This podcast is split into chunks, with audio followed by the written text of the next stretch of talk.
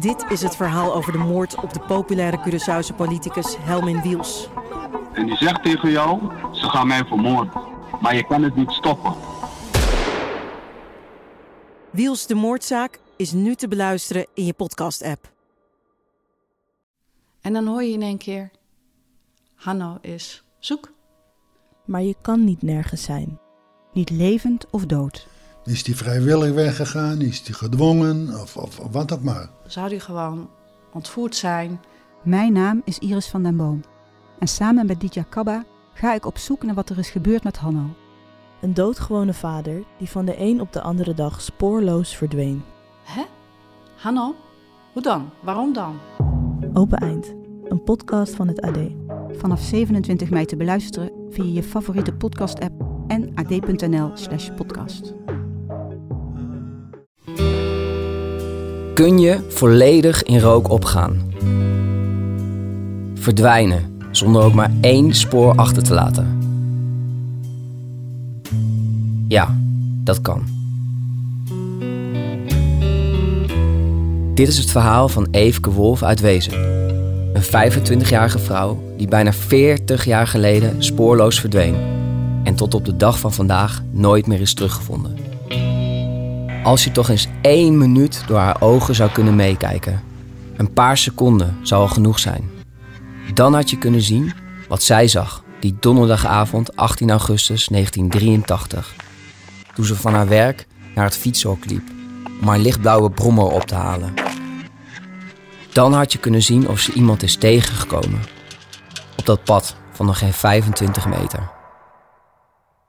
Dan had je misschien, of nee, hoogstwaarschijnlijk, antwoord gehad op de vraag wat er met Eefke Wolf is gebeurd die avond in Hattem.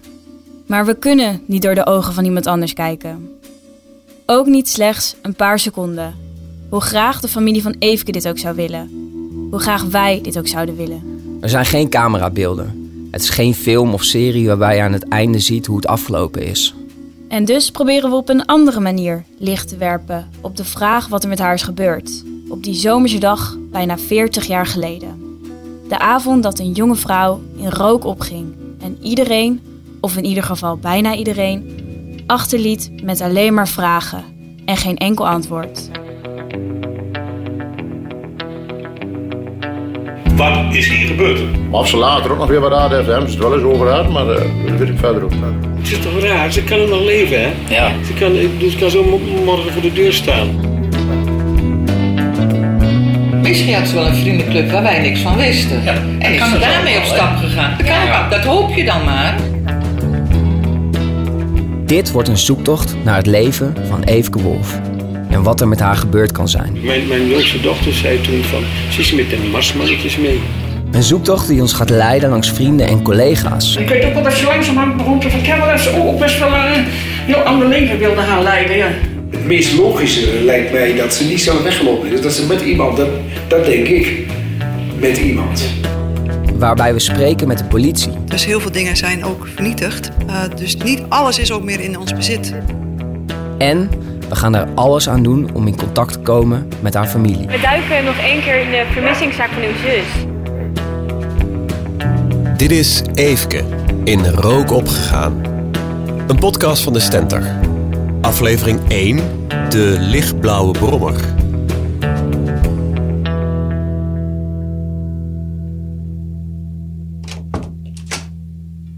Nou, daar zitten we dan. In een uh, glazen vergaderkamertje op onze redactie. Ja, we zijn uh, begonnen. Dat is wel heel gek. Dus uh, we hebben nu al een hele lijst met namen. Een groot bord met allemaal namen. En ja, er lopen allemaal collega's steeds langs. zitten heel nieuwsgierig naar binnen te kijken wat we aan het doen zijn hier. Maar ja, ik heb wel zin om bezig te gaan. Het is ook voor mij wel nieuw om zo'n groot onderzoek te doen. Dat echt heel veel tijd waarschijnlijk in beslag gaat nemen. dus ik denk dat we behoorlijk bezig moeten de komende, de komende periode. Ja. Maar misschien is het goed om eerst elkaar even voor te stellen, of onszelf eigenlijk. En ik zal met mezelf beginnen. Ik ben Arjen ten Katen, misdaadjournalist van de Stentor al een paar, uh, paar jaar. Daarvoor heb ik lang bij de Telegraaf gezeten. Heb ik ook veel misdaadzaken gedaan, ook al grote zaken. En uh, dus ik, ik ken heel veel moordzaken hier in de buurt. Als ik hier rondrij en ik uh, ga langs een plaats aan boord, dan denk ik meteen, oh ja, weet je wel, daar was dat toen, daar was die moord of uh, dat een rare verhaal.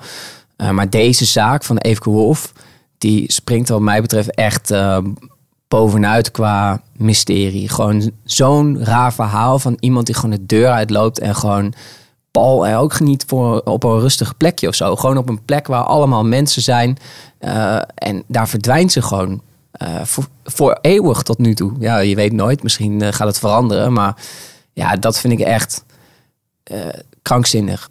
En ik weet niet hoe jij dat ziet. Wat, wat voor jou belangrijk is. Ja, ik denk ook dat ik ik heb een beetje het gevoel van als, als Eefke nog leeft, dan, uh, dan zou ze nu rond de 60 zijn volgens mij. Dus de tijd begint ook best wel een beetje te dringen als je erover nadenkt. Want um, ja, de, de, mensen om haar heen, die zijn waarschijnlijk ook die leeftijd. Misschien nog wel iets ouder. Mensen zijn al met pensioen. Dus het is ook niet zo dat we nog twintig uh, jaar kunnen wachten met uh, een keer kijken wat er mogelijk met haar gebeurd kan zijn. Dus ja, ik denk moet dat nu eigenlijk, hè? Ja, dat gevoel ja. heb ik wel een beetje. Ja, of in ieder geval zo snel mogelijk. Ja. ja. Wat springt er voor jou in deze zaak uit wat, wat zo bijzonder is? Als je alleen maar gelezen hebt wat er tot nu toe uh, bekend is. Wat niet heel veel is in mijn ogen. Het is echt heel weinig. Nee, dat is eigenlijk heel stom. Maar dat is haar leeftijd. Want ik ben uh, net zo oud. En als ik nadenk hoe het voor mijn, mijn familie en mijn vriendinnen en mijn vrienden zou zijn... als ik opeens zou verdwijnen... Dat zou zo'n enorme impact hebben. En dat is, dat is precies wat er met haar is gebeurd. Zo'n een, een jonge vrouw van ook 25 die gewoon in rook is opgegaan. Dat kan je je toch niet voorstellen. Ik kan me gewoon niet voorstellen wat dat met mijn omgeving zou doen. Uh, Paulien, ja, we weten nu je leeftijd, maar jij moet jezelf ook nog even voorstellen. Ja, dat is wel handig, hè? Ja, nou, uh, ik ben Paulien Plat, uh, de 25 dus. en ik werk in principe op uh, Cluster Zwolle als verslaggever. Ehm, dus eigenlijk heb ik niet heel veel te maken met, met misdaad, zoals jij. Ehm, maar wat ik vooral heel veel doe, is menselijke verhalen schrijven. Ik, uh, ik doe veel interviews en ik uh, ben eigenlijk heel erg nieuwsgierig altijd naar, nou, als je een nieuwsverhaal hebt, wat, wat voor personen zitten erachter? En dat is eigenlijk ook wat mij in deze zaak trekt. Wat ik al zei, ik, wat doet dat met een familie? Wat doet dat met vrienden? Wat doet dat met een omgeving? Ja, dat, dat boeit mij aan deze zaak. Ja, en ik ben heel erg gericht op feiten. Dus ehm, misdaadfeiten ook echt. Dus daarom zijn we een goede combinatie. Kunnen we samen op pad, denk ik.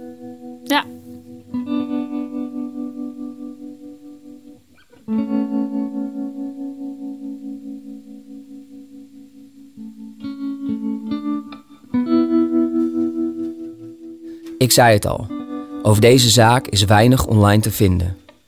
Geen interviews met vrienden, geen pagina's vol met theorieën over wat er met haar gebeurd zou kunnen zijn. Het voelt als een vergeten zaak en dat moet veranderen. Als je ons dus vraagt waarom doen we dit? Nou daarom. Om de zaak Eefke Wolf op de kaart te zetten. Om haar, en dat klinkt misschien een beetje vreemd, om haar in leven te houden. Maar zoals beloofd, eerst de feiten. Het zou fijn zijn als jij, als luisteraar, mee kunt denken over deze zaak. En dat kan alleen als je eerst weet wat er vaststaat over de dag van haar verdwijning. Wat weten we van deze zaak? Daarvoor moeten we terug naar donderdag 18 augustus 1983. Eefke Wolf was op die donderdag de 18 augustus tegen kwart voor drie met haar brommer vertrokken van haar ouderlijk huis in Wezep, waar ze woonde. Tegen drie uur s middags kwam ze hier aan bij Bloemenstein om haar dienst te beginnen, die tot s avonds 11 uur zou duren. Eefke Wolf woont nog bij haar ouders in Wezep. Bijna iedere dag rijdt ze door de donkere bossen naar haar werk in Hattem. Ze rijdt alleen, al jaren eigenlijk, op haar lichtblauwe Peugeot-brommer en met haar zwarte helm. Eefke werkt bij Bloemenstein, een tehuis waar mensen met hersenletsel leven. Op 18 augustus rijdt ze rond kwart voor drie op dat brommetje naar haar werk.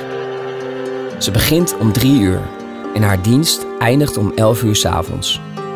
In die uren gebeurt er niets opvallends, zo stelt de politie later vast. Het is een dag als alle andere op Bloemenstein. Om half elf waren we klaar met het werk en zijn we in deze huiskamer gaan zitten... waar we gezellig met elkaar wat hebben zitten babbelen.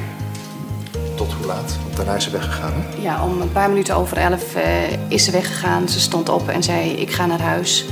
Rustig gewacht en tot morgen. En ze is de huiskamer uitgelopen richting die deur daar. Daar is ze doorheen gelopen naar de kapstok toe. Waarschijnlijk door de gang gelopen. We hoorden nog het woordje doeg. En door de voordeur is, uh, is ze weggegaan.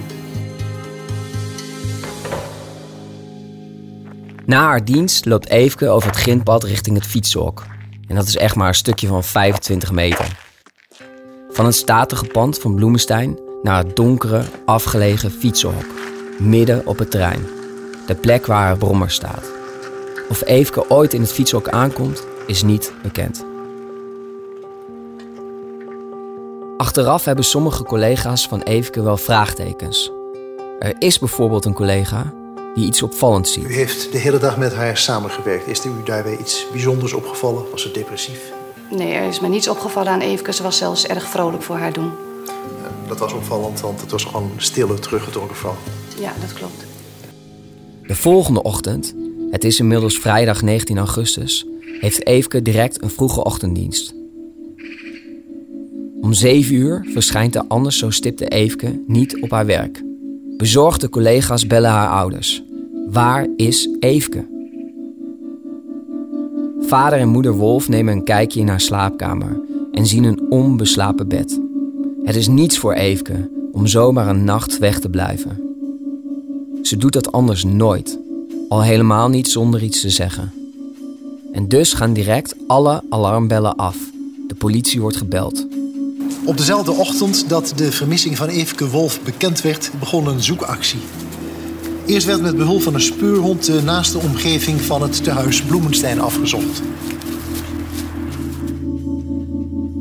Het is goed om te weten dat bij vermissingen van volwassenen niet altijd meteen groot alarm wordt geslagen. Zeker als er geen aanwijzingen zijn voor een misdrijf. Ze kunnen ook vrijwillig vertrokken zijn. Een volwassene mag gaan en staan waar hij wil. Maar de rechercheurs in Hattem zijn direct bezorgd. Waarom? Dat heeft alles te maken met het fietsenhok. Daar, op dat donkere plekje, staat nog altijd de bromfiets van Eefke. Vaststaat in ieder geval dat die bromfiets de volgende dag nog in het fietsenhok stond. En dat Eefke was verdwenen met medeneming van haar bromfietshelm. Conclusie? Ze is niet op haar bromfiets weggereden. Hoe kan ze dan weg zijn? Verder vindt de politie bij Bloemenstein niets. Helemaal niets. Geen bandenspoor, geen sporen van een worsteling, geen voetafdruk, geen bloed, geen wapen, geen kledingstuk, niets. Een paar dagen later zocht de dienst luchtvaart van de Rijkspolitie het daarvoor in aanmerking komende gebied af vanuit de lucht. Voorwaarts, nu, kijk. Daarnaast werd een grootscheepse zoekactie gehouden door Rijkspolitiemensen samen met militairen uit de Tornet-kazerne. En houden jullie een beetje op rij. De bossen rondom Hattem worden volledig uitgekampt door militairen die op kazernes in de omgeving verblijven. De politiehelikopter wordt ingezet. Speurhonden worden losgelaten. 25 vierkante kilometer aan bos wordt afgestruind. De bezorgde vader van Eefke zoekt zelf dagenlang mee. Maar hij en de anderen vinden alleen wilde zwijnen. Ook hier geen spoor van Eefke. Vrijdag 19 augustus 1983 ook niet. Het weekend, zelfde verhaal. De weken erna geen spoor. En helaas ook de tientallen jaren erna niets.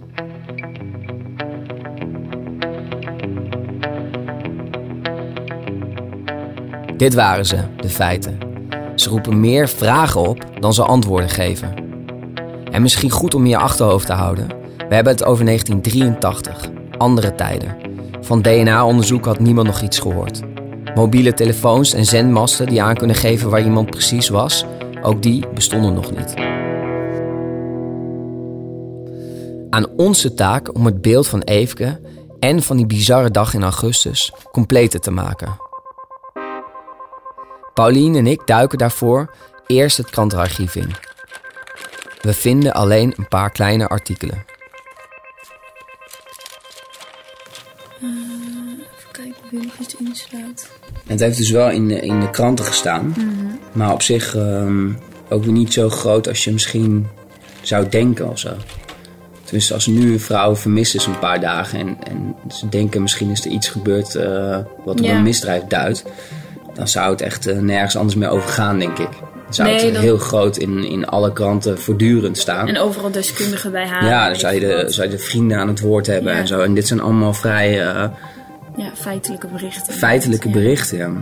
nou ja, over haar is er vrijwel niks verschenen. De, de lezer weet nog net dat ze 1,75 is, eh, donkerblond haar heeft en blauwe ogen. Mhm. Ehm, verder, nou ja, dit is de, Zwo- de Zwolse Courant. Maar verder, nou ja, we kunnen wel vertellen. Het zijn eh 1, 2, 3 en dan vier artikelen zijn er ook verschenen. Ja.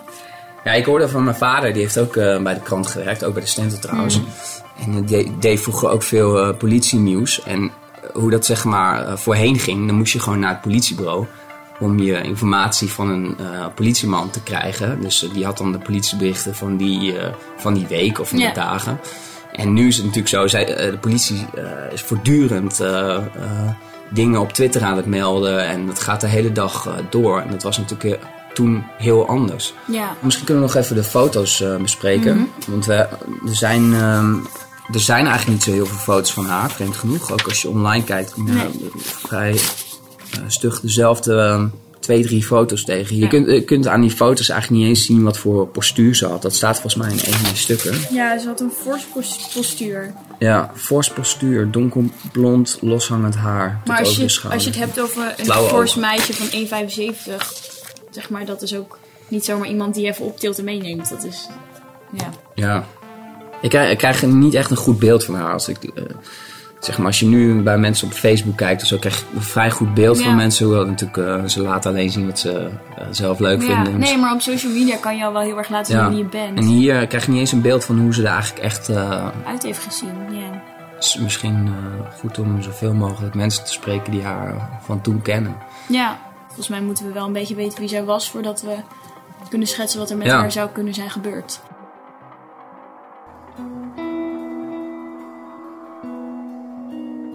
Hoe is het voor nabestaanden als je zus, je dochter, je nichtje in het niets oplost? Ze hebben niets, geen enkel antwoord. Ze weten zelfs niet of Eefke nog leeft. Een uitvaart is er nooit geweest. Haar vader overlijdt kort na de verdwijning aan een hartaanval. Van verdriet wordt er vandaag de dag nog steeds gezegd. Vorig jaar is ook de moeder van Eefke overleden. Ook zij is dus, net als de vader, gestorven zonder dat ze weet wat er met haar dochter is gebeurd. Haar broertje Jan leeft nog wel. 40 jaar later in gesprek gaan met familie en bekenden lijkt niet makkelijk. Toch komt er hulp van heel dichtbij. Als we een mail rondsturen op onze redactie met de vraag: wie weet er nog wat van de zaak Eefke Wolf? Volgt er die avond een opvallend belletje. Hey Arjan, eh, met Anne. Ik zag je mailtje voorbij komen. eh, en eh, ja, gaat eens wat. eh, ik ben al heel eh, lang met dat onderwerp bezig. Samen met, met oud-collega Joop Offriga. Hij woont in Hattem en het onderwerp heeft hem eigenlijk nooit meer losgelaten. Dus ja, hij vroeg mij toen te helpen. En samen hebben we in privé-tijd heel wat mensen gesproken ja, om er iets van te maken.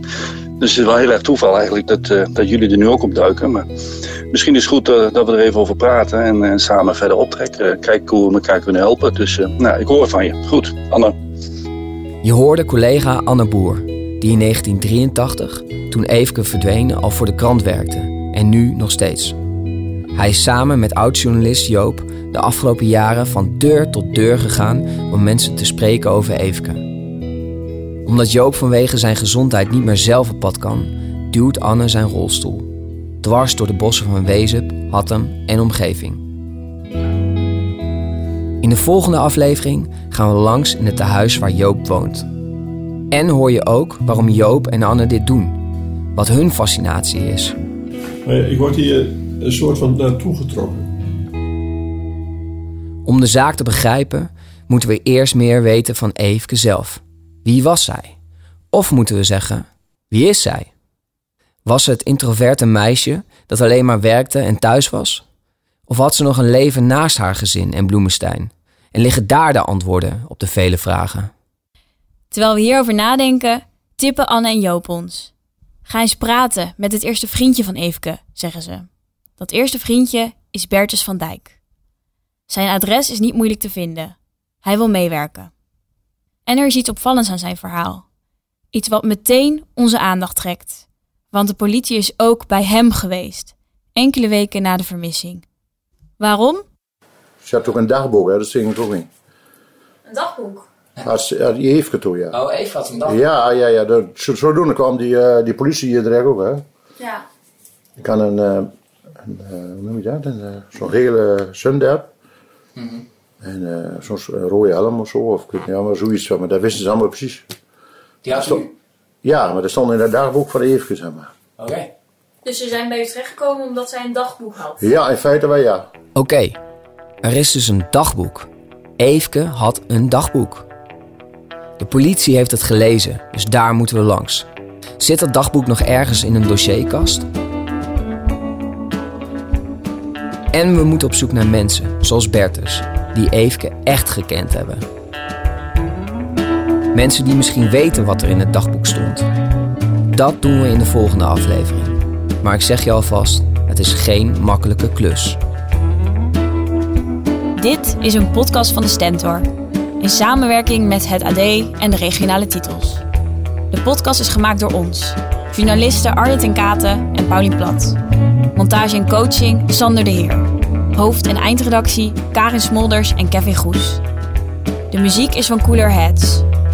En we maakten gebruik van opnames uit Opsporing Verzocht van Avro Tros. Heb jij informatie over deze zaak of heb je vragen aan ons? Of misschien heb je wel een belangrijk aanknopingspunt gehoord. Iets wat wij zelf hebben gemist? Neem contact met ons op via eefke.stentor.nl Belangrijk om nog even te vermelden. Mocht Eefke het slachtoffer zijn geworden van een misdrijf, dan is dat misdrijf nu verjaard. Dat maakt het doorgeven van tips misschien iets eenvoudiger. Mijn naam is Willem Hinskens. Ik heb gezegd, ben niet donker van denken van je. Dit is mijn verhaal. Wat. Niks te klaar, broer. Ik ben niet met de klaar, Toris. Loop naar toe, haal uit. Een verhaal over een mishandeling. Mijn mishandeling. 30 jaar geleden in een stadspark in Deventer. Ook ik werd belaagd, geslagen en geschopt. In deze podcast ga ik 30 jaar na mijn mishandeling alsnog de confrontatie aan met mijn belagers. Niet om verhaal te halen, maar om in gesprek te gaan. Luister Klappen, een nieuwe podcast van het AD en de aangesloten regionale dagbladen.